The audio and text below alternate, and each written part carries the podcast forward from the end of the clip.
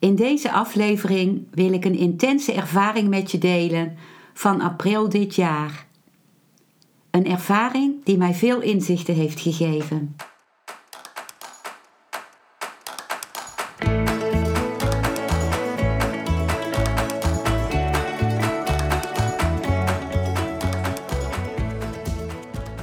Welkom bij een nieuwe aflevering van Modita's podcast Van Pijn naar Zijn. De podcast waarin ik je meeneem voorbij de pijn in je leven naar wie je diep van binnen bent. Hoe kun je beter omgaan met je gevoelens? Hoe vind je rust in je hoofd? Wat zit er precies achter je pijn? En vooral, hoe kun je steeds meer jezelf zijn? Adem eens diep in en uit. Ik wens je veel luisterplezier.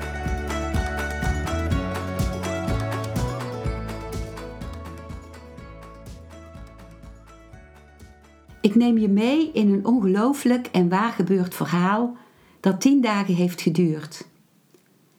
Ik ben voor de derde dag met mijn tentje aan zee en heb me klaargemaakt om te gaan slapen in de bijna vrieskou. Ik heb gedoucht, ben rozig van de zee en heb vele lage kleren over elkaar aangetrokken.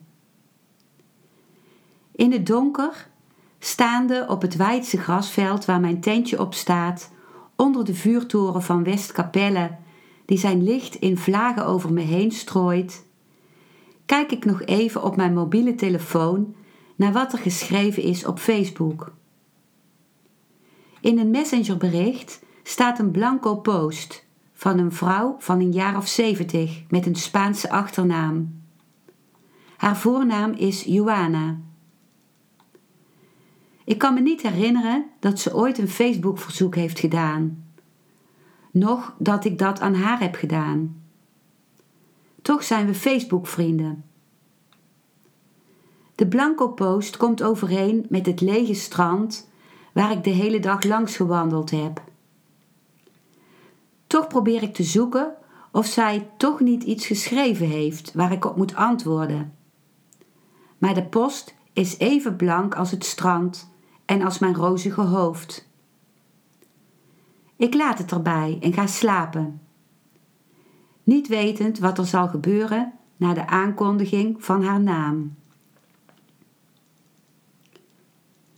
Na weer een heerlijke dag op het strand, negen uur lang, en een intense, heerlijke, prikkelende koude training die ik mezelf heb toebedeeld door in de zee te gaan, ga ik opnieuw na een warme douche op weg naar mijn tentje. En weer sta ik stil op het wijdse veld in het donker, onder de sterren, en kijk bij Facebook op mijn telefoon. Messenger toont weer een bericht van Joana. Ze verontschuldigt me dat ze mij misschien overvalt, maar deelt met mij dat ze mij al een tijd volgt op Facebook en dat ze wat ik deel op Facebook en het werk wat ik doe zo mooi vindt. Ze vertelt dat ze keelkanker heeft en dat de artsen, die haar tot nu toe goed behandeld hadden en steeds nog hoop gegeven hadden, nu verteld hebben dat ze het, dat ze het eind van de maand april niet meer zal halen.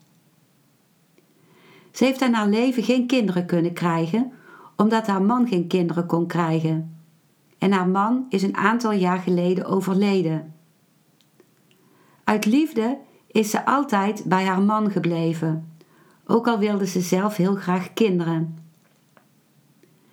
Ze is een heel gelovige christen en haar geestelijk raadsman heeft haar gezegd dat als je als christelijke vrouw zonder kinderen sterft, je je geld aan iemand moet geven van wie je gelooft dat hij daar iets goeds mee zal doen. En ze voelde dat ik dat was. Ze verontschuldigt zich nogmaals met dat ze mij er mogelijk mee overvallen heeft, maar wil het toch vragen of ze mij haar hele bezit mag doneren. Ze heeft een rode oliemaatschappij gehad en het gaat om een bedrag van 800.000 euro.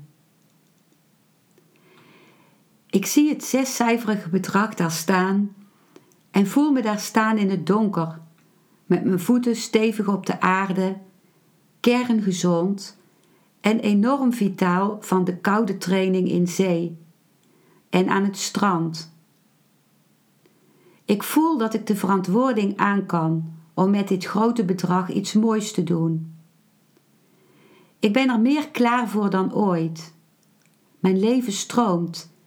Ik ben gelukkig met mezelf. Ik voel dat ik heel veel wil en kan delen met anderen. En ik ben in staat alleen te staan. Want dat is nodig. Wanneer je zo'n bedrag ontvangt, zal er heel veel om me heen gaan gebeuren. Reacties van mensen, mensen die het me gunnen, mensen die jaloers zullen zijn, mensen die verwachtingen hebben. En ik die me schuldig zou kunnen gaan voelen als ik het geld gebruik voor waar ik het voor wil gebruiken, terwijl ik tegelijkertijd weet dat ik me niet schuldig zal gaan voelen. Ik voel dat het geld niet van mij is, maar dat ik het mag kanaliseren. Dat ik in dienst sta van. Ik voel me gezien door het bestaan. Vanuit mijn hart heb ik de laatste zes jaar steeds doorgewerkt aan dat wat voor mij het allerdierbaarst is, en daarin al het geld dat ik had geïnvesteerd.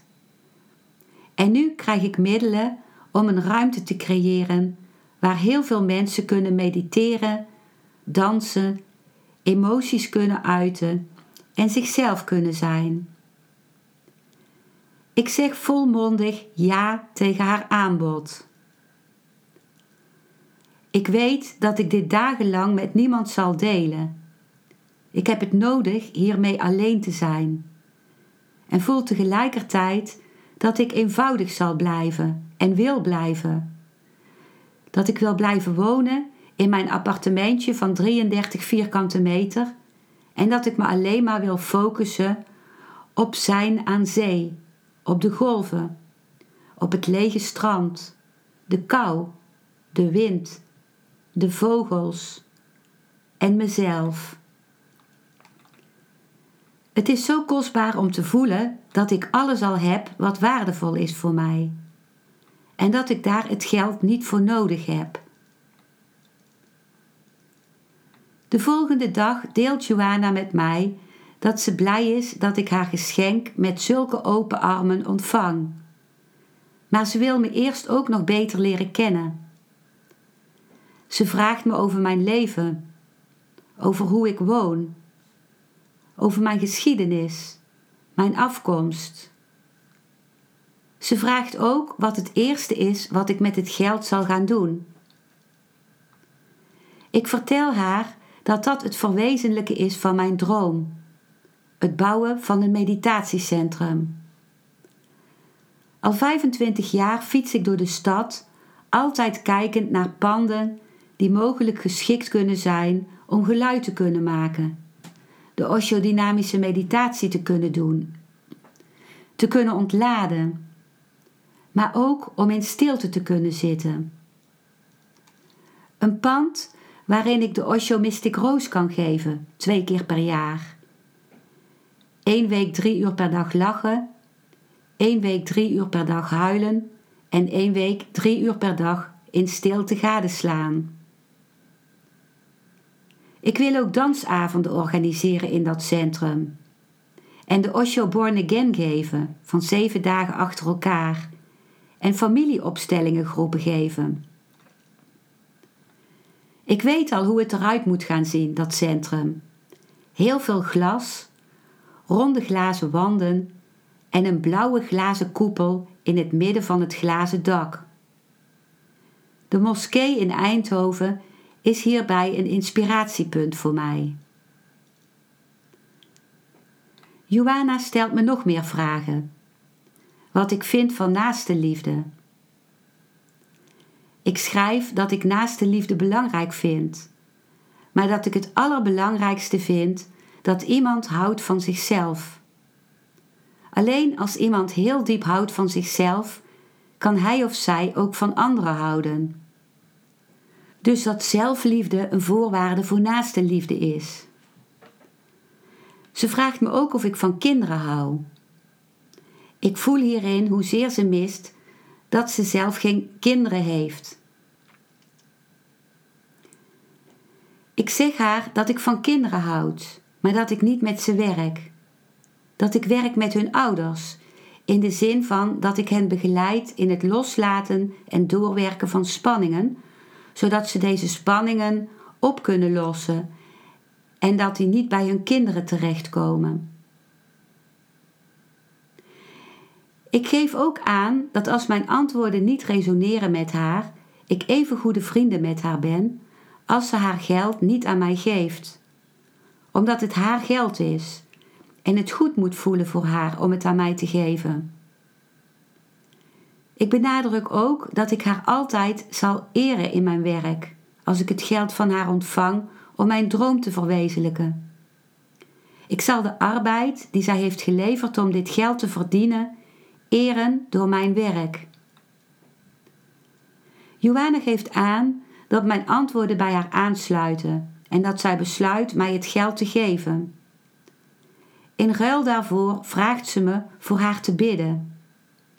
Voor haar en voordat ze samen met haar overleden man zal zijn na haar dood. Ik denk na over hoe ik voor haar kan bidden. Voordat ik bij Osho kwam, ging ik elk jaar en soms wel twee keer per jaar naar Taizé, een christelijk ecumenische plek waar jonge mensen uit heel Europa en soms ook van andere continenten bij elkaar komen om samen te bidden, stil te zijn, te reflecteren op het leven van Jezus en op eigen levensthema's, zoals vergeving en de bronnen waaruit je kracht put in je leven. Ik vond vooral het samen stil zijn en samen zingen daar heel mooi. En ook het contact met mensen van zoveel verschillende landen. Het praten samen, het samen eten, het dansen en het wandelen in de stille heuvels.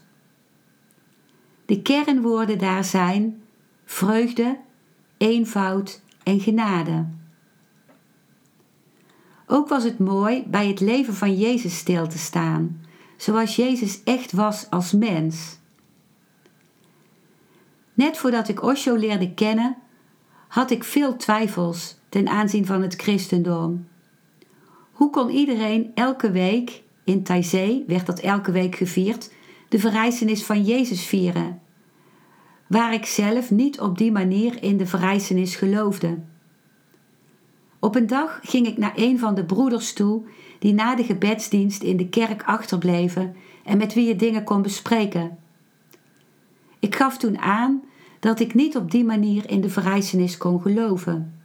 Waarop de broeder zei: Dan ben je geen christen. In zekere zin had hij gelijk, dat zie ik nu. Nu wil ik in die, in die zin ook geen christen meer zijn omdat ik in geen enkel hokje wil zitten en alleen maar mezelf wil zijn. Maar toen die broeder dat op dat moment tegen me zei, draaide ik linea recta om en ging weer terug naar Nederland.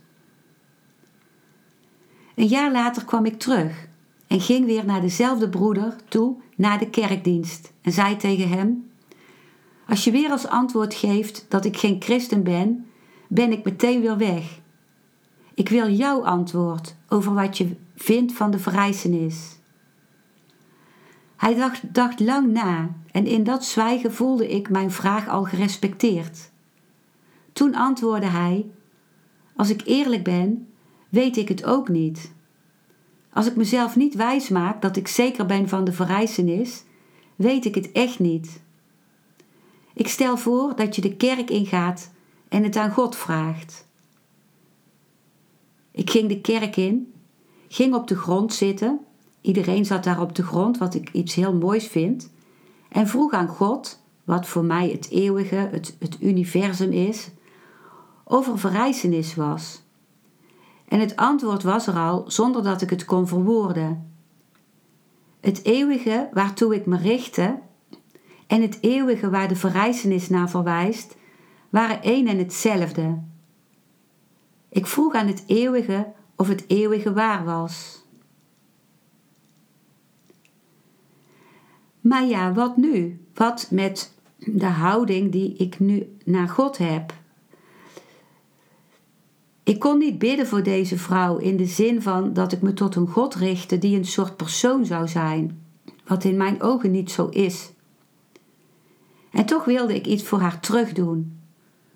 Voor haar liefde en voor haar ruime hart, dat mij zo'n groot geschenk gaf. Elke dag richtte ik me nu laat in de namiddag, als het zonlicht laag over het land kwam met fel licht, op de ziel van Joanna. Ik verbond me dan met haar ziel en wenste haar ziel heel veel licht, warmte, ruimte en het opgaan in het eeuwige van het universum, vol van vertrouwen. En ik wenste haar dat ze bij haar man zou zijn. Ik zag haar overleden man voor me, met zo'n intens vriendelijk gezicht. Hij lachte haar toe. Wachten op haar, dat voelde ik. Ik voelde me verbonden met de wereld na de dood, terwijl ik nog levend was. Ik voelde ook dat er in feite geen dood bestaat. Eerst deed ik dit aan zee en later toen ik weer thuis was op mijn balkon na het avondeten, voor de prachtige bloesemboom voor mijn balkon, met gesloten ogen en een grote glimlach op mijn gezicht, die van diep van binnen kwam. Het was dan of ik me in een andere dimensie bevond, sereen, verbonden met de tijdloze en verbonden met vreugde. Ik voelde dat de dood vreugde en licht inhoudt. En ik was Johanna dankbaar dat ze mij gevraagd had voor mij te bidden. Deze vorm van gebed was meditatie plus dankbaarheid. Als ik vroeg of ik nog meer voor haar kon doen, bleef ze schrijven via Messenger: Nee, alleen je gebed is wat ik vraag. God zegene je. Als ze zei: God zegene je, dan voelde ik dat zij haar licht over mij uitstrooide.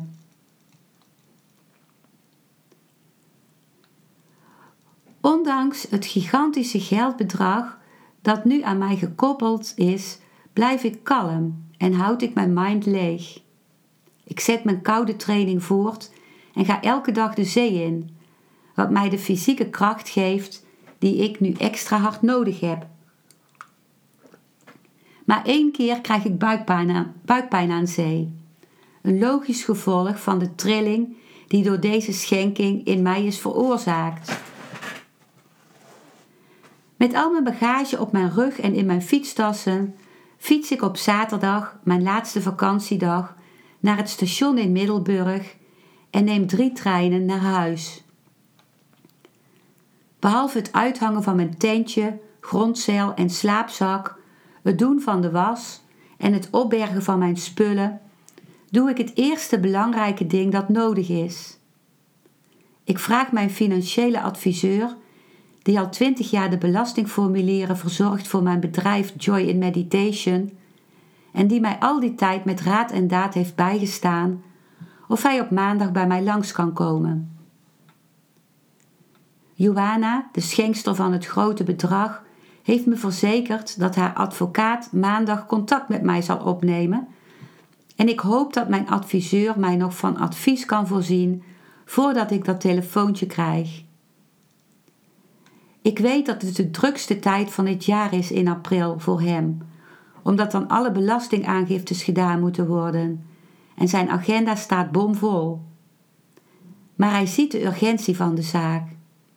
Johanna, die stervend is, en het eind van de maand niet zal halen, en het is die maandag al 19 april, en het enorme geldbedrag dat gevrijwaard moet worden van de Belastingdienst, die meteen al een heel groot deel zou kunnen wegkapen. Mijn belastingadviseur geeft aan dat hij ook mijn vriend is.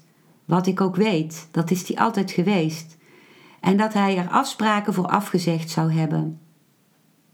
Hij komt meteen op maandagochtend en adviseert mij om een stichting op te richten en het geld op het bankrekeningnummer van de stichting te laten storten. Dan hoef ik niets aan de Belastingdienst af te dragen. Voor de stichting zijn drie personen nodig in totaal. En, en uh, voor de, om de stichting op te richten moet ik naar een notaris. Hij weet een goede notaris in Eindhoven die veel met erfenissen en donaties te maken heeft gehad. En binnen een dag heeft hij toegezegd, nadat ik het hem gevraagd heb, de komende twee jaar deel van een van de drie personen van de stichting te willen zijn. Ikzelf ben de tweede persoon en mijn vriendin uit Friesland gaat ermee akkoord de derde persoon te willen zijn. Ik vraag aan mijn financieel adviseur de contacten met de advocaat van Joana te onderhouden. En dat doet hij heel nauwkeurig, met respect voor de gezondheidstoestand van Joana. Ik ben hem ontzettend dankbaar dat hij elke dag zoveel voor mij doet.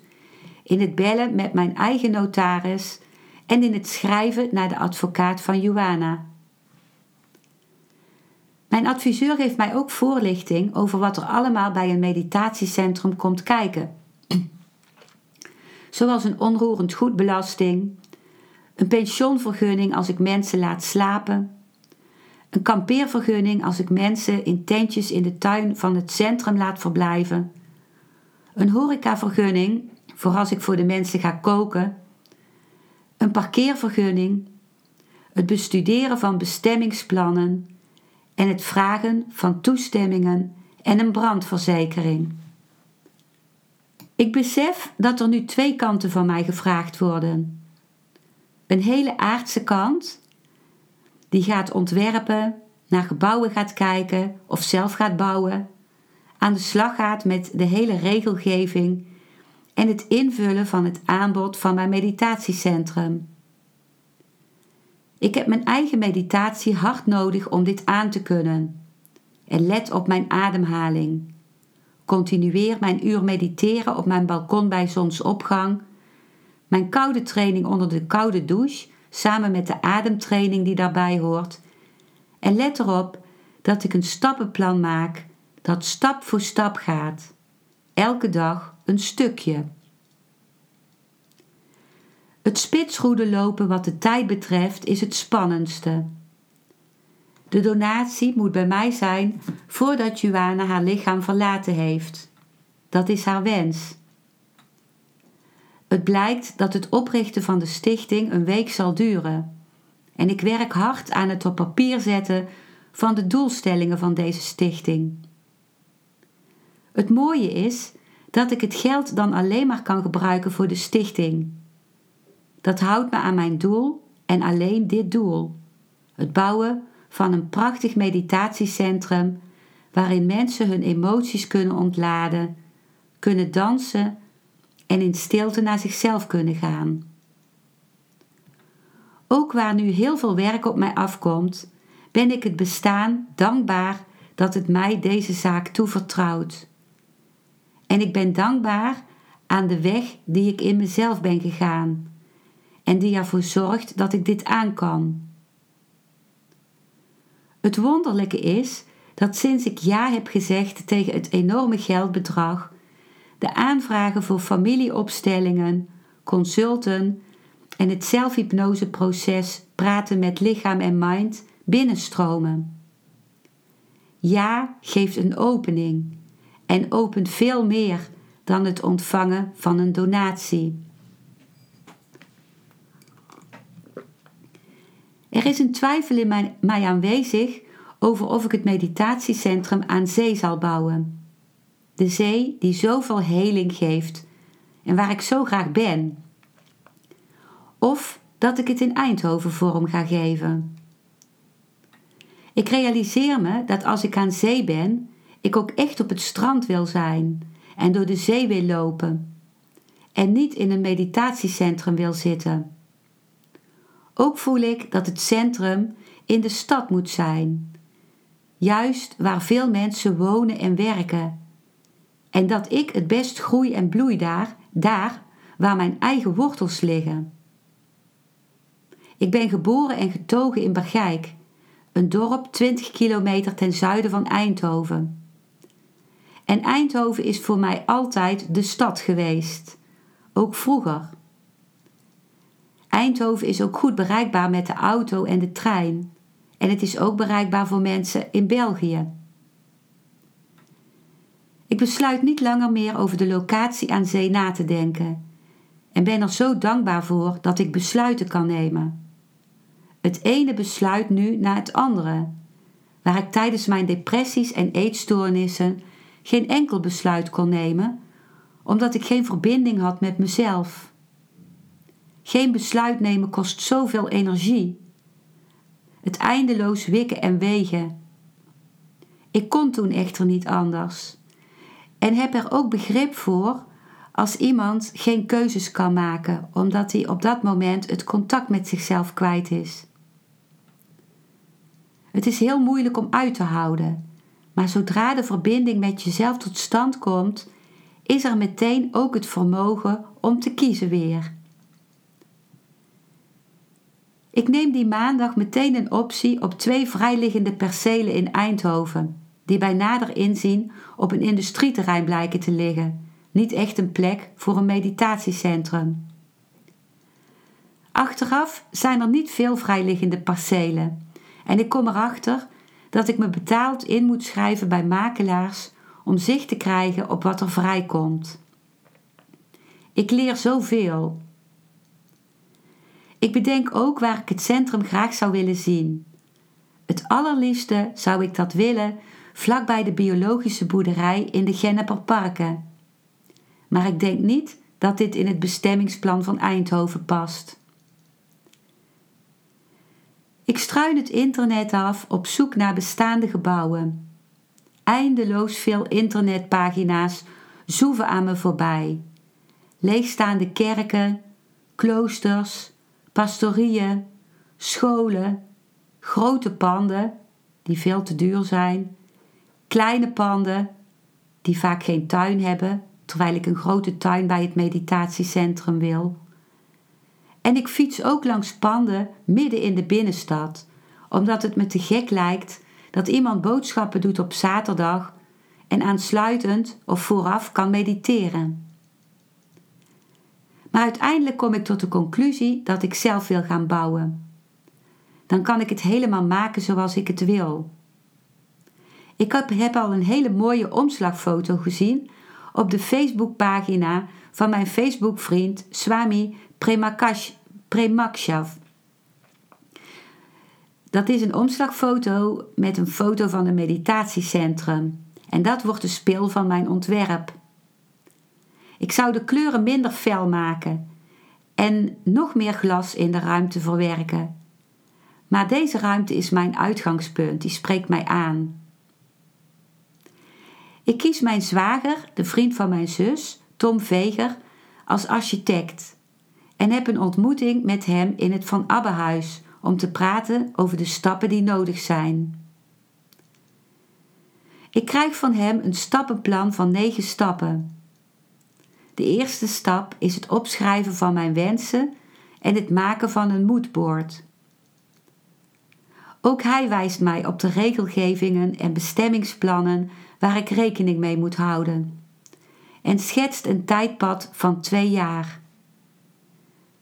We bespreken opties die ik niet voor mogelijk had gehouden, zoals de mogelijkheden voor geluidsisolatie voor het schreeuwen bij de osho-dynamische meditatie door drie lagen glas.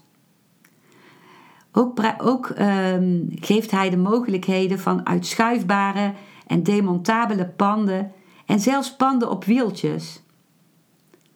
Hij laat mij zien hoe de buurman van het Van Abbehuis voor een enorm bedrag aan het, uh, aan het bouwen is.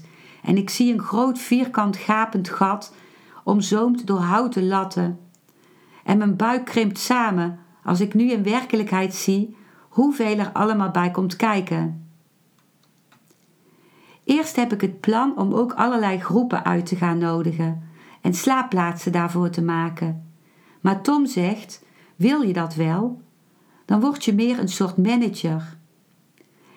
En mag je ruimte soms ook leeg staan? Dan valt er een last van me af. Ondanks dat ik af en toe wel iemand wil uitnodigen om een groep te geven in de meditatieruimte die me aanspreekt, wil ik het vooralsnog houden bij wat ik zelf kan aanbieden.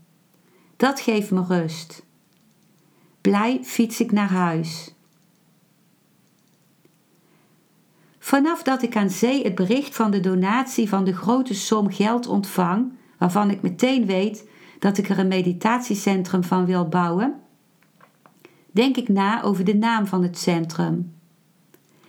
Ik wil beginnen met de naam van Osho, omdat hij mij geleid heeft naar wat echt meditatie is en omdat hij mij steeds dichter naar mezelf leidt. In mijn meditatiecentrum wil ik met anderen delen wat met name de actieve meditaties mij gegeven hebben en geven. Ook wil ik in het centrum zijn woorden laten klinken, via audiobestanden die ik heb. Woorden die dieper leiden naar de eigen innerlijke stilte. En woorden die helpen om alles wat niet bij je hoort van je af te schudden. Natuurlijk kan Osho dat niet doen. Er is moed voor nodig om je daar innerlijk voor te openen. Het kan alleen uiteindelijk uit jezelf komen. Maar door vlakbij Osho te zijn, is mijn, mijn eigen gevoel dat ik uh, voel hoe het kan zijn om helemaal in je zijn te zijn. Dus dat stimuleert mij enorm. Ik denk na over de naam die ik achter Osho's naam wil plaatsen. Osho heeft over zoveel kostbare personen, zenmeesters en leraren gesproken. En ik denk aan een van hun namen. Eerst denk ik aan de naam Yasodhara, Yasodhara de vrouw van Boeddha, die Boeddha verliet.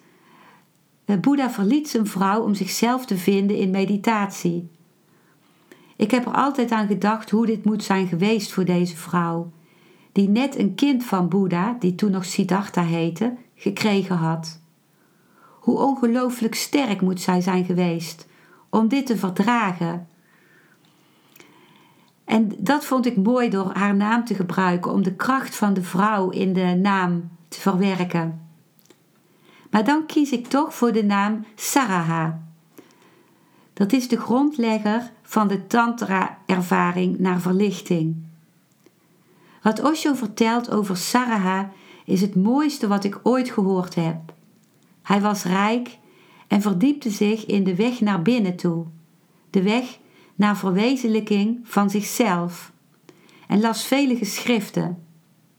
Maar uiteindelijk opende hij zich voor een vrouw uit een dorp die pijlen smeedde en hem zei dat hij alle geschriften overboord moest gooien. Hiermee liet hij zijn ego los. Hij leefde en danste met haar op een begraafplaats waar mensen gecremeerd werden naast de rivier. Hij danste en leefde van moment tot moment, heel uitbundig. Mensen om hem, om hem heen dachten dat hij zijn spiritualiteit verloren was en veroordeelden het dat hij met een vrouw leefde. Maar wanneer hij sprak, dan werden ze vervuld van levensvreugde, eenvoud en diep respect. Tantra wordt vaak met meditatieve seks geassocieerd maar heeft daar in feite slechts ten dele mee te maken. Tantra is een houding van het accepteren van alles, wie je ook bent en wat er ook gebeurt. Daarmee geeft Tantra een nieuw perspectief voor zelfrespect en een nieuwe manier van samenleven. Bij Tantra gaat het erom dat je voluit leeft, hoort, ziet, ruikt, voelt, ervaart met bewustzijn en met vreugde. Daarom vind ik het zo'n mooie naam voor mijn meditatiecentrum. En met mijn bedoel ik dat het voor iedereen is die zich aangetrokken voelt. Osho heeft mij geleerd dat het om Zorba de Boeddha gaat.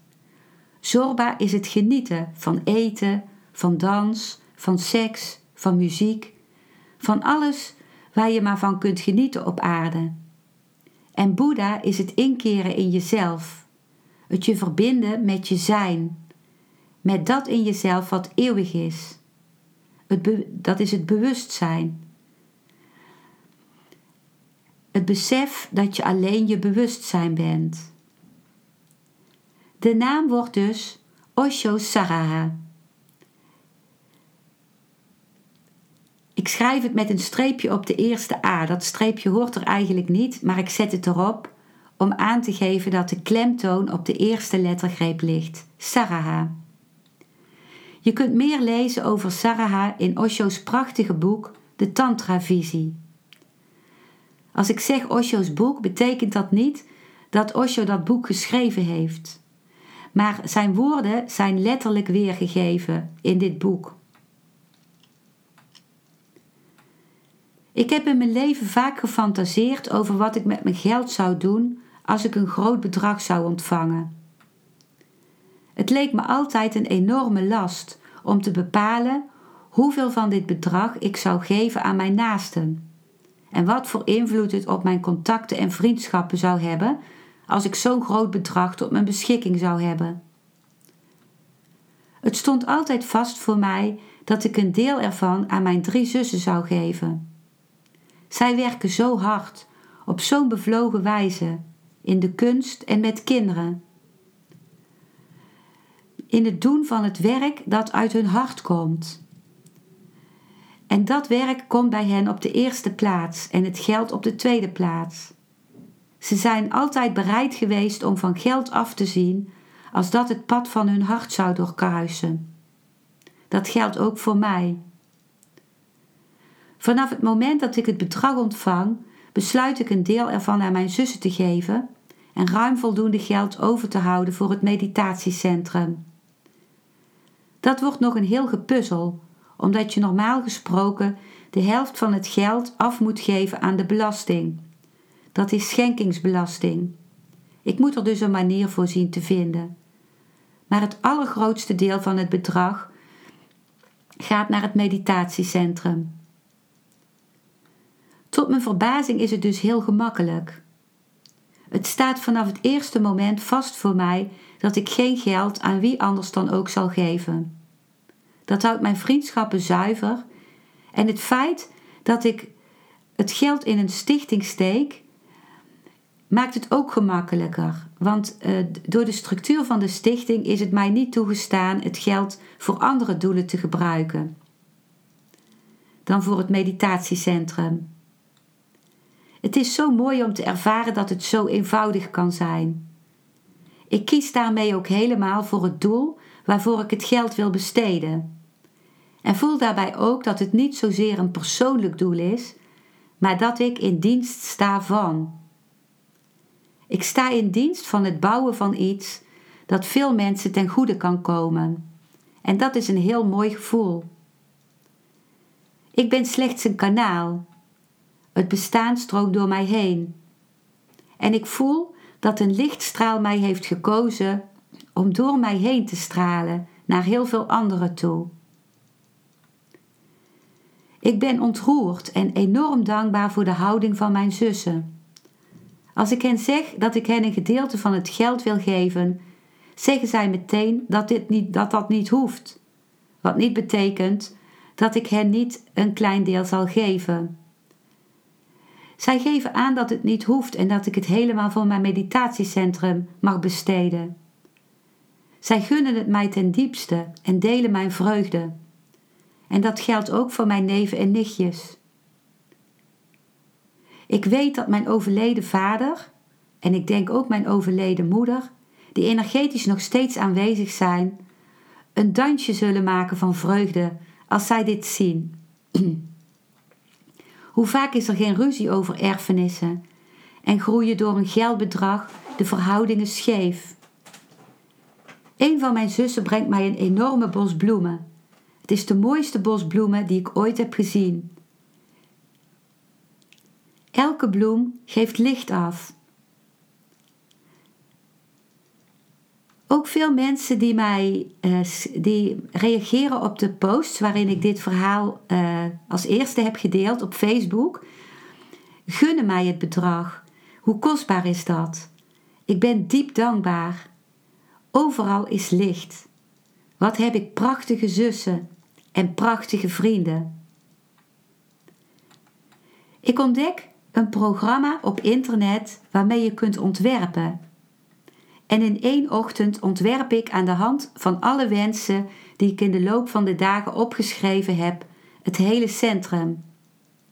Het uitgangspunt is de ruimte die ik op Facebook heb gedeeld en die, op, uh, op, die de omslagfoto was van de Facebook-vriend die ik eerder heb genoemd.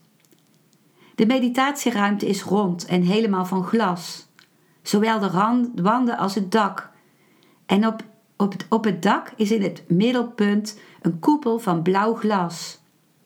Zo'n blauw licht geeft een hemelschijnsel en representeert voor mij de verbinding tussen hemel en aarde en de verbinding met het universum, met het onbegrensde waar wij deel van uitmaken. De glazen wanden zorgen dat je verbonden bent met de natuur van de tuin die om het centrum heen ligt. Een tuin die ik indeel in een stiltegedeelte aan de ene kant van de meditatieruimte en een deel waar gepraat en gedeeld kan worden aan de andere kant. In het stiltegedeelte zijn diverse prieeltjes, waarboven planten een natuurlijk gewelf vormen en waar je je alleen terug kunt trekken om te mediteren en bij jezelf te kunnen zijn.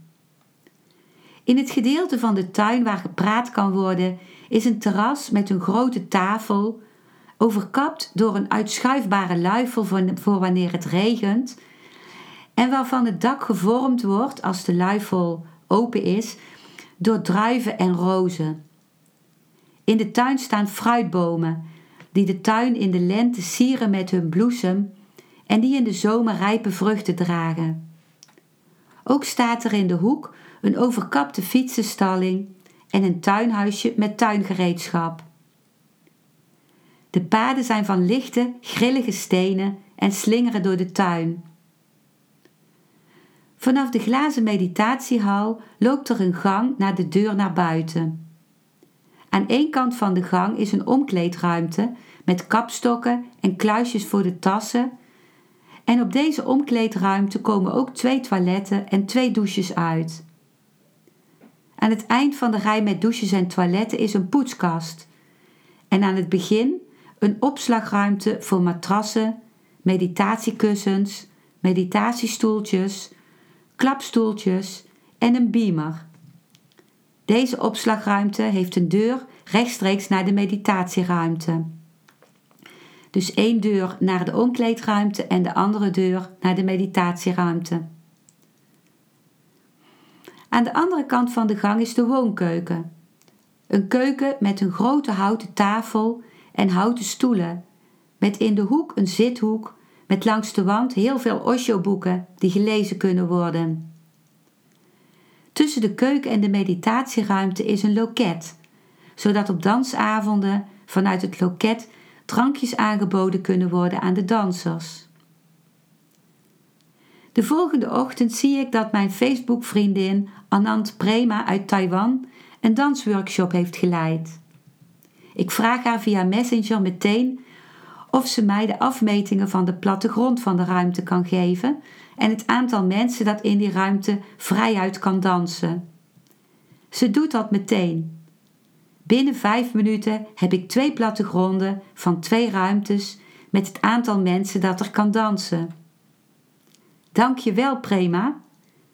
Zo fijn om verbonden te zijn met Taiwan.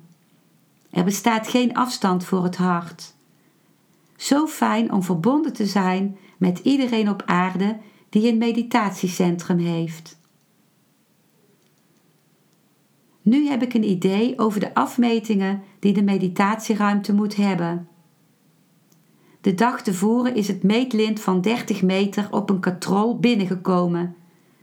Dat ligt naast een rol touw en een paar haringen. Die klaar, en, en alles staat klaar zodat ik de volgende dag in het park de plattegrond van het ontworpen centrum op de aarde in de ruimte zichtbaar zal kunnen maken. De buurvrouw die met haar caravan naast mijn tentje in Zeeland staat, is de enige aan wie ik twee dagen na het ontvangen van het bericht over de donatie van het geld haar uh, hierover heb verteld. Ik vertel haar over het mooie contact met Joanna die stervende is en zij is blij met wat mij ten deel is gevallen. Na enkele dagen bespreekt zij het met haar echtgenoot, die de week daarop naar de camping komt waar zij verblijft. Ik ben dan alweer in Eindhoven, druk bezig met het uitwerken van mijn plannen. Ze geeft aan dat haar man sceptisch is over het gedoneerde bedrag. En ik ben blij met dat ik dat niet ben en vertrouwen heb. Ik vertel haar hoe kostbaar vertrouwen voor mij is. Ik herinner me Osho's woorden die beschreven staan bij de Osho Zentaro kaart De Dwaas. Het zijn de volgende woorden. Woorden van Osho. Een dwaas is iemand die blijft vertrouwen. Een dwaas is iemand die tegen al zijn ervaring in blijft vertrouwen. Je bedriegt hem en hij vertrouwt je. Je bedriegt hem opnieuw en hij vertrouwt je. En je bedriegt hem opnieuw en hij vertrouwt je. Dan zul je zeggen dat hij een dwaas is. Hij leert niet. Zijn vertrouwen is enorm. Zijn vertrouwen is zo puur dat niemand het kan bederven. Wees een dwaas in de Taoïstische zin, in de zen-zin. Probeer geen muur van kennis om je heen te creëren. Welke ervaring je ook krijgt, laat het gebeuren en laat het dan vallen. Ga door met het continu reinigen van je mind. Ga door met het sterven aan het verleden, zodat je in het heden, in het hier en nu kunt blijven, alsof je net geboren bent. Gewoon een baby. In het begin zal het erg moeilijk zijn. De wereld zal, zal van je beginnen te profiteren. Laat ze maar doen. Het zijn arme mensen. Ook al ben je misleid, bedrogen en beroofd, laat het gebeuren want dat wat werkelijk van jou is, kan niet van je worden weggeroofd. Dat wat werkelijk van jou is, kan niemand van je stelen. En iedere keer dat je niet toestaat dat situaties je bederven, zal die kans een integratie van binnen worden. Je ziel zal meer uitgekristalliseerd worden. Dat waren de woorden van Osho. Ik ben zo blij met het vertrouwen dat ik al die tijd gehad heb en dat mij zulke kostbare ervaringen heeft gegeven. Maar de ochtend nadat ik de plattegrond van het meditatiecentrum afgemaakt heb, wordt er iets in mij getriggerd wat mij aanzet tot het nemen van actie. De volgende ochtend is het nog heel vroeg als ik mijn mobiele telefoon pak. Het is pas zes uur in de ochtend maar zoals elke ochtend ben ik al om half zes opgestaan. Ik kijk naar het appje van de buurvrouw van de camping in Zeeland dat ik zojuist heb geopend. Ze wil me niet ongerust maken, maar voelde toch dat ze mij een link moest sturen. De link die ze mij gestuurd heeft verwijst naar een artikel van Avrotros van de uitzending Opgelicht. En in die link wordt uiteengezet hoe je Facebook-fraude kunt herkennen. Waar het gaat om identiteitsfraude. Ze verwijst naar een verhaal halverwege het artikel dat bijna exact het verhaal is van Juana. Eerst stuur ik driemaal een gesproken bericht terug over de waarde van vertrouwen. Maar daarna verwijder ik die berichten ook weer. Door het appje van, de, van mijn campingbuurvrouw is er bij mij iets in gang gezet.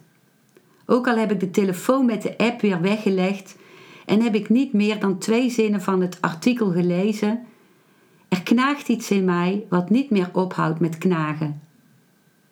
Ik lees nog twee zinnen, even later, en zoek dan op wanneer Joanna bij Facebook is gegaan. Dat is nog maar twee, twee maanden geleden. En ze heeft ook nauwelijks Facebook-vrienden. In het artikel van mijn campingbuurvrouw wordt gesteld dat wanneer er sprake is van fraude via Facebook, de persoon vaak nog maar heel kort bij Facebook is, weinig vrienden heeft en dat er ook geen gemeenschappelijke vrienden zijn. En dat is allemaal het geval bij Joana. Ook zie ik dat Joana in Namen woont. Dat is in België en niet in Frankrijk, zoals ze gezegd had. Ik zoek nu ook de naam van haar Spaanse advocaat op. Die blijkt vroeger advocaat geweest te zijn, maar nu in de filmindustrie te werken. Ik realiseer me later dat slechts de naam van de advocaat is gebruikt en dat degene die zowel voor de advocaat als voor Johanna stond een heel ander iemand moet zijn.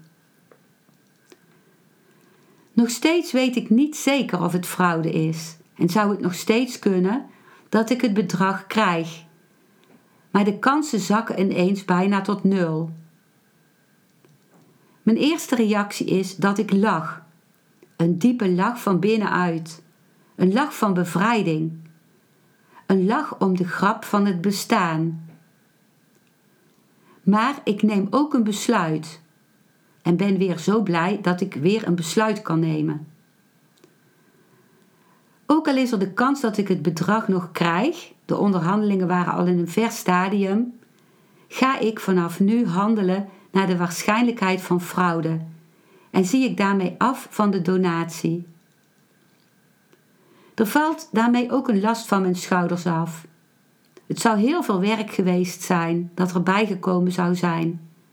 Terwijl ik me in de dagen dat ik met het meditatiecentrum, met het ontwerp daarvan bezig ben, me heel scherp realiseer dat het werk dat ik nu al doe, het werk is dat ik het allerliefste doe.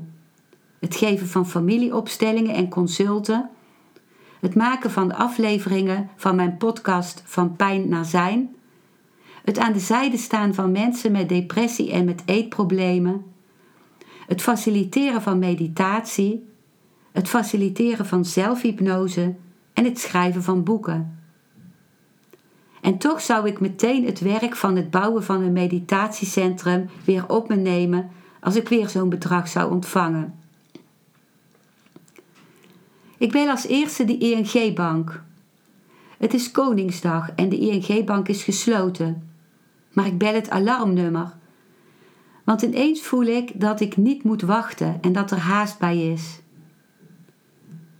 Wanneer ik mijn verhaal doe, laat de vrouw aan de andere kant van de lijn maar niet eens uitpraten, maar blokkeert ze direct mijn bankpas. Dat was ook precies wat ik wilde. Voor het leveren van de informatie die de advocaat van Joanna nodig had, heb ik iets gedaan wat ik nooit had moeten doen.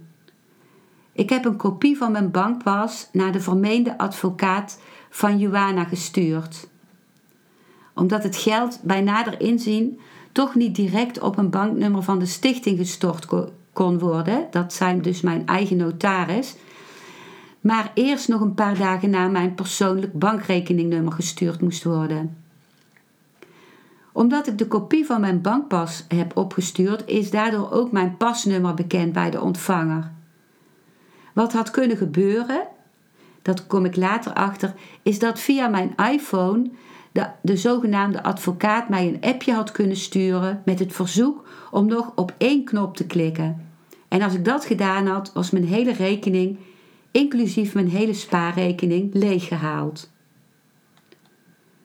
Gelukkig heb ik, uh, is het niet erg dat mijn bankpas nu voor vier dagen geblokkeerd is tot ik een nieuwe heb, omdat ik net de dag van tevoren voor een week boodschappen heb gedaan bij de Jumbo. Dus ik kan die periode nu makkelijk overbruggen. Vervolgens besluit ik om de politie te bellen om aangifte te doen. In feite kun je alleen aangifte doen als er al iets gebeurd is en de deurwaarder al bij je, aan je deur staat. Maar nu doe ik een melding. Omdat de uh, politiebeambte die ik aan de telefoon heb mij geen meldingsnummer wil geven, bel ik de komende twee dagen toch net zo lang terug totdat er een mutatie is gema van is gemaakt van mijn melding, waardoor ik wel een meldingsnummer kan krijgen. En dat is belangrijk, want dat nummer kan ik gebruiken voor, uh, om naar te verwijzen als er uh, toch nog, ondanks mijn acties, uh, sprake zou zijn van identiteitsfraude. Dus als dan toch nog mijn gegevens die ik door heb gegeven worden gebruikt voor identiteitsfraude. Maar ik ben nog steeds niet gerust. Ik heb namelijk ook een kopie van mijn paspoort naar de zogenaamde advocaat gestuurd. En ook nog een selfie waarbij ik mijn paspoort, paspoort vasthoud. Dat kan gebruikt worden voor identiteitsfraude. Iemand kan dan een lening afsluiten op mijn naam bijvoorbeeld. Op Koningsdag kan ik niet naar het gemeentehuis om mijn paspoort ongeldig te laten maken. Ik weet nu voor het eerst dat je nooit iemand zomaar een kopie van je paspoort moet sturen. Of er een moet laten maken in een hotel bijvoorbeeld, zonder er met grote letters overheen te schrijven dat het een kopie is. En die letters moeten vooral ook door je foto en door je handtekening gaan. Je moet ook nooit je paspoort achterlaten bij de receptie van een hotel. Iets wat ik in het verleden zo vaak heb gedaan. In een opwelling blokkeer ik mijn app-contact met de zogenaamde advocaat van Joana en mijn Facebook-contact met Joana. En daarna realiseer ik me pas dat de zogenaamde advocaat zich nu kan realiseren dat er haast is bij zijn handelingen om mij geld afhandig te maken. Het is nu dus een race tegen de klok. De volgende ochtend als het gemeentehuis weer open gaat, bel ik het gemeentehuis zodra het open is en krijg ik een spoedafspraak. Met een stralend gezicht en uiterst tevreden sta ik aan de balie als mijn paspoort wordt doorzeefd met gaten om het ongeldig te maken. Waarbij ik gelukkig nog net op tijd vraag om mijn visum voor India, dat nog meer dan een jaar geldig is, te sparen. Ook worden er formulieren opgemaakt om naar het Centraal Meldpunt Fraude te sturen en van daaruit naar alle instanties in Nederland, waarbij een poging tot fraude zichtbaar kan worden. Nu ben ik veilig. Ik stuur nog een melding naar het Centraal Meldpunt Identiteitsfraude en zet ook een melding op de helpdesk van de politie. Ik ben heel tevreden over hoe ik dit heb aangepakt. Het voelt als dezelfde creativiteit als het bouwen van het meditatiecentrum. Alleen is de focus nu anders. Maar ik voel me vol energie en in de flow van het leven staan en ik geniet ervan. Ik vind het zo bijzonder dat ik in mijn beleving eerst bijna miljonair ben geweest en daarna bijna onder een brug had moeten slapen omdat ik helemaal geen geld meer had kunnen hebben. Ik voel zoveel energie en voel me helder en licht. En ik voel een enorme kracht. Ik voel dat dit een, geschenk is van het bestaan. Dat ik alles in volle glorie heb mogen meemaken omtrent het geschenk, de liefde voor Joana, het ontwerpen van het meditatiecentrum, de reacties van andere mensen die zo gul en vol compassie waren en het waarnemen van mijn eigen reacties waar ik zo tevreden over ben. Daarom kan ik degene die mij de donatie aanbood geen oplichter noemen. Wel in die zin van dat hij mij licht heeft gegeven, in, in die zin opgelicht heeft. Het ergste vind ik dat Johanna, met wie ik mij zo verbonden heb gevoeld, misschien helemaal niet zou bestaan. Maar mijn financieel adviseur vindt op internet dat zij bijna vijf jaar geleden op 30 juni op 72-jarige leeftijd is overleden. Ze had een zoon die handelde in oliën die uit groenten komen, de zogenaamde oliemaatschappij. Ik ben zo blij dat Joanna bestaan heeft en energetisch dus nog bestaat. En, uh, daar ga ik um, op in, in deze episode ook. Ik heb diep respect voor Joana en hoop dat ook jij haar met respect zult bezien. ik vind haar, ik heb een foto van haar ontvangen ehm, op uh, Facebook en ik vind haar zo'n mooie uitstraling hebben. Een, een foto waarop ik kan zien hoe krachtig ze is. En ze straalt ook moed uit om alleen te kunnen staan. Mensen die van identiteitsfraude hun werk hebben gemaakt, kiezen vaak voor de donateur van de donatie, mensen uit die echt bestaan hebben. In mijn vermeende communicatie met Joanna schreef ik haar dat zij nu tot mijn familie behoort. Door familieopstellingen ben ik gaan zien dat iemand van wie jij rijker bent geworden, vanaf dat moment tot je familiesysteem behoort. Dat is geen theorie, maar een wetmatigheid die gezien wordt. De energie van degene die schenkt of jou iets nalaat, die zorgt dat jij ergens beter van wordt, behoort nu ook tot jouw systeem. Dat geldt ook voor degene die jij iets afhandig maakt. Als je bezit van een ander afneemt, behoort ook die persoon nu tot je familiesysteem. Daders en slachtoffers zijn nauw met elkaar verbonden. Net zo nauw of soms nog nauwer dan de personen van je eigen familie. Als ik de naam van de zogenaamde Spaanse advocaat van Joana opzoek op internet, waarom heb ik dat niet eerder gedaan? Ik ben blij dat ik dat niet eerder heb gedaan, want dan zou ik hier niet zoveel kostbaars aan meegemaakt hebben. Als ik die naam dus opzoek, dan zie ik dat hij advocaat is geweest en nu in de filmindustrie werkt. Hij heeft een mooie film voor mij in elkaar getoverd. Ik voel me met hem verbonden. Ik zeg hem, maar het kan natuurlijk ook een haar zijn. Maar mijn gevoel is dat het een man is. Ik, voel, ik heb geen enkel negatief gevoel naar hem. Het enige negatieve gevoel dat ik had is toen hij een dag lang niet antwoordde, terwijl de gezondheidssituatie van Joanna zo kritiek was en er haast bij was dat het geld nog voor haar overlijden op mijn rekening zou staan, wat de wens was van Joanna. De advocaat zei toen dat hij de hele dag in de rechtszaal had gezeten. Ik realiseer me dat het hele leven in feite een film is. Een film die opgebouwd is uit verwachtingen, dromen, teleurstellingen, weer nieuwe verwachtingen enzovoorts. Het is mooi om me dat te realiseren. Daarom tovert de hele situatie ook een lach in mij tevoorschijn, die mijn hele wezen omvat. Ik voel me verbonden met de advocaat en ben benieuwd naar de achtergronden van zijn leven. Hoe zou het voor hem zijn om mijn berichten aan Joanna gelezen te hebben? Om te horen dat ik voor haar bid en me met haar verbonden voel? Hoe zou het voor hem zijn dat ik het contact nu geblokkeerd heb? Wat zou hem ertoe drijven om zich met identiteitsfraude bezig te houden? Hoe zou dit ontstaan zijn in zijn leven?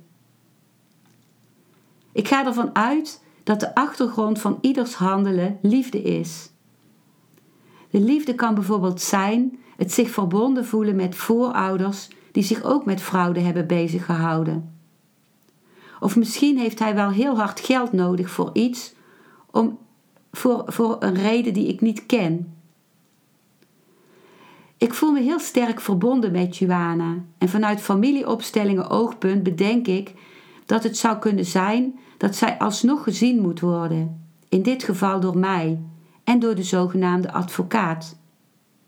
Het kan zijn dat zij in haar leven onvoldoende erkend is. Dus wat er nu gebeurt, kan door het grotere geheel gewild zijn. Ik vind het mooi om zo te denken. Maar het is niet alleen een denken. Het is iets wat ik van binnenuit voel. Ik had Joanna al geschreven dat zij nu tot onze familie behoort. Mijn zussen vonden haar iets bekends hebben toen ze haar foto zagen. Nu ik weet dat ik de donatie niet zal krijgen, voel ik me nog steeds met haar verbonden. En dat is een mooi gevoel. De zogenaamde advocaat van Joanna laat mijn financieel adviseur via de mail weten dat hij een bedrag van 577 euro vraagt voor zijn diensten. Mijn adviseur antwoordt hem dat hij dat bedrag af kan trekken van de donatie. Hij laat weten dat hij dat niet wil en het bedrag apart wil ontvangen. Mijn financiële adviseur schrijft terug dit te betreuren en dat ik afzie van de donatie. Nu brengt mijn andere zus mij bloemen. Prachtige pioenrozen, om me te feliciteren met de wijze waarop ik met de situatie ben omgegaan. Ik voel me net jarig met alle prachtige bloemen van mijn zussen in mijn, in mijn huis. Het lijkt wel of ik echt jarig ben. Het bestaan geeft mij zoveel: ervaringen, inzichten, bloemen en liefde. Ik ben zo dankbaar voor de eenvoud die nu weer zoveel gemakkelijker te voelen is in mijn leven. Ook al had ik er mijn best voor gedaan om ook tijdens de bouw van het meditatiecentrum mijn eenvoud te behouden. Tevreden kijk ik rond in mijn kleurrijke appartement en naar het door mij zo geliefde balkon. Vol dankbaarheid kijk ik in mijn, agenda naar alle mooie activiteiten die ik daarin heb neergeschreven. En naar de familie van knuffels op mijn bank en naar de babypop die ik van mijn moeder kreeg toen ik twee jaar ben, toen ik twee jaar werd en die voelt als mijn kind. Ik word nu weer uitgenodigd om met weinig geld te doen wat ik het belangrijkste vind. En ik voel dat dit me creatief maakt. Ik realiseer me ook dat ik compromissen heb gesloten sinds de donatie aan mij beloofd was. Dat voel ik nu veel scherper, ook al was ik me daar continu van bewust. Ik heb een compromis gesloten met het bidden, terwijl ik er niet in geloof dat er een God is die gaat doen wat ik vraag. Ook al had ik het bidden in een vorm gegoten die goed en kostbaar voor mij voelde. Maar ik dacht daarbij ook aan Osho's woorden over dat je een rol in een toneelstuk kunt spelen in de wereld en je er bewust van kunt zijn dat je die rol in dat toneelstuk speelt. Je hoeft niet aan iedereen je ware zelf te laten zien. Als je er maar bewust van bent dat je je ware zelf soms bewust verbergt, zoals een acteur die bewust een rol speelt. Ik maakte me ook soms zorgen of ik een Facebook-bericht van Osho wel kon plaatsen, waarin Osho aangaf bijvoorbeeld dat er geen God is die uitvoert wat je van hem vraagt. Ik vroeg me dan af of Johanna haar donatie in zou trekken. Ik merk hoe de ervaring, hoe deze ervaring mijn begrip van anderen vergroot heeft. Als ik nu naar grote panden en gebouwen kijk en centra van anderen voorbij zie komen op internet, weet ik hoeveel werk daaraan gekoppeld is en wat een enorm commitment. Hoeveel kracht en doorzettingsvermogen er voor nodig zijn om zo'n pand te onderhouden en zo'n centrum te runnen. Ik ben dankbaar dat ik nu geen uitzonderingspositie meer heb ten aanzien van geld ten opzichte van vele anderen. Daarbij besef ik ook hoe groot de uitdaging zou zijn geweest om te leven met een groot verschil in inkomen. In feite voelde het tegelijkertijd ook weer niet zo dat ik een groot inkomen had wanneer ik de donatie zou ontvangen, omdat het geld in de stichting zou gaan en ik het alleen voor het meditatiecentrum kon gebruiken, iets wat ik ook wilde, en niet voor persoonlijke doeleinden. Maar wat is persoonlijk? Ik voel nu al geen onderscheid tussen mijn werk en mijn persoonlijke leven, omdat zowel mijn werk als wat buiten mijn werk is, met mijn hart verbonden is. Ik werk even graag als dat ik op vakantie ben. Ik mis nu mijn vorm van gebed voor Joana. Het serene gevoel dat ik had als ik s'avonds na mijn avondeten op mijn balkon voor de bloesemboom zat met het zonlicht dat door de, de pure witte bloemen heen streek. De bloesemboom die staat in de tuin van mijn onderbuurman voor mijn balkon. Ik mis het ruime gevoel dat ik had als ik met gesloten ogen met mijn intentie bij Joana was.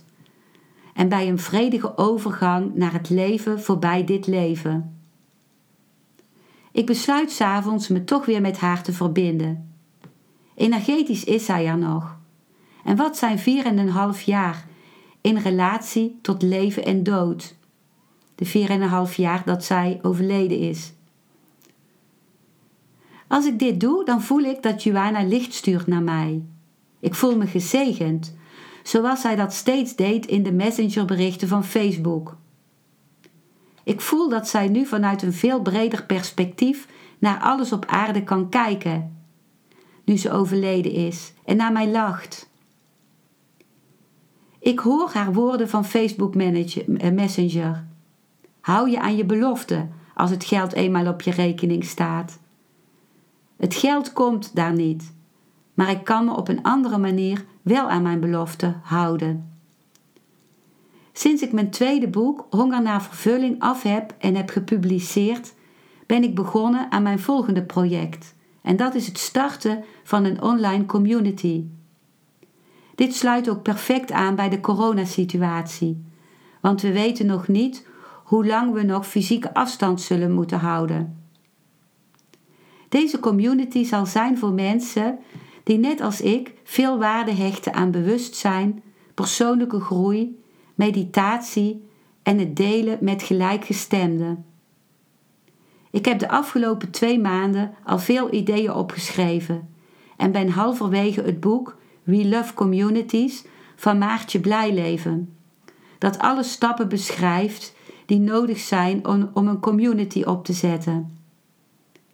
Ik wil de naam Osho Saraha voor deze online community gaan gebruiken. Het project van de community heeft voorrang op het schrijven van mijn derde boek Reis zonder kind, omdat ik voel dat juist in de coronatijd een online, online community zoveel kan brengen. En na de coronatijd zijn offline activiteiten dan heel gemakkelijk toe te voegen. Sommige mensen zullen het bedrog noemen wat mij is overkomen. Maar dat is het niet. Iets kan, je kunt alleen bedrogen worden als je je bedrogen voelt. Maar dat voel ik niet. Ik ervaar wat er gebeurd is als een rijk geschenk. Ook vind ik het heel mooi te ervaren dat het me verbinden met Joanna vanuit mijn hart en het wensen van het goede voor haar vanuit mijn ziel zo mooi voelen. Het maakt niet uit naar wie ik die energie richt. En niet eens of diegene ook bestaat. Ook al ben ik er wel blij om te weten dat zij geleefd heeft en er energetisch nog steeds moet zijn. Het doet me denken aan een verhaal dat Osho vertelde. Het ging over een boeddhistische monnik die lang gelopen had op een koude winterdag en aanklopte bij een boeddhistisch klooster. De hoofdmonnik opende de grote poort van een boeddhistische tempel waarin honderden houten Boeddha-beelden stonden, het ene nog groter dan het andere. De reizende monnik mocht die nacht in deze ruimte verblijven. S'nachts kreeg hij het zo koud dat hij een doosje lucifers pakte en een van de Boeddha-beelden in brand stak om zich aan het vuur te kunnen warmen. De volgende dag was de hoofdmonnik woedend toen hij zag dat een van de beelden tot as was gereduceerd. Hij schreeuwde tegen de reizende monnik: Je hebt een Boeddha verbrand. De reizende monnik begon met zijn stok in de as te poken en de hoofdmonnik snauwde hem toe: Wat ben je in hemelsnaam aan het doen? De reizende monnik antwoordde: Ik zoek naar de botten. Ik vind geen botten. Ik ben een levende Boeddha en had het koud. Er stonden hier zoveel Boeddha's die niet leven en geen botten hebben, dat ik dacht wel een Boeddha te kunnen gebruiken om mijn, mijn levende lichaam aan te warmen. De hoofdmonnik schreeuwde dat de reizende monnik de tempel onmiddellijk moest verlaten en nooit meer terug mocht komen. Toen de hoofdmonnik smiddags naar buiten ging, zag hij de reizende monnik in meditatiehouding voor een betonnen paaltje zitten, waaromheen hij bloemen had gelegd. De hoofdmonnik vroeg: Hoe kun je in godsnaam een paaltje vereren? De reizende monnik zei: Het gaat er niet om wat je vereert, of het nu een houten Boeddha is, of een paaltje, of nog iets anders. Het gaat om je innerlijke houding en om dankbaarheid. Het laatste stukje van mijn verhaal wil ik gebruiken om jou te bedanken voor jouw aanwezigheid tijdens het luisteren van deze podcast. En voor degene die mijn Facebook vervolgverhaal heeft uh, gevolgd, van, uh, waarin ik dit verhaal heb gedeeld, voor het aanwezig zijn tijdens het volgen en voor de, voor de mooie uh, commentaren die ze mij hebben gegeven. Het is zo kostbaar om echte vrienden te hebben. Dank. Dank je wel voor het luisteren naar deze aflevering. Ik hoop dat hij je een nieuw inzicht of perspectief heeft gegeven. Ik hou van interactie, dus als je iets wilt delen, stuur me dan een mailtje op info@genietenvanmeditatie.nl. Ik geef je dan altijd antwoord. Ik wens jou dat je vreugde in het dagelijks leven zult ervaren en innerlijke rust. En dat je steeds meer je pijn zult kunnen omvormen in zijn. Je kunt de afleveringen van deze podcast volgen via Spotify, Google Podcast, Apple Podcast en Podbean door op de volg- of abonneerknop te klikken. Als je luistert via de Apple Podcast, dat kan alleen als je een iPhone hebt, heb je een extra voordeel. Omdat als je op de knop abonneren klikt, je steeds een berichtje op je mobiele telefoon ontvangt als er weer een volgende aflevering van mijn podcast verschijnt. Je bent van harte welkom bij die volgende aflevering.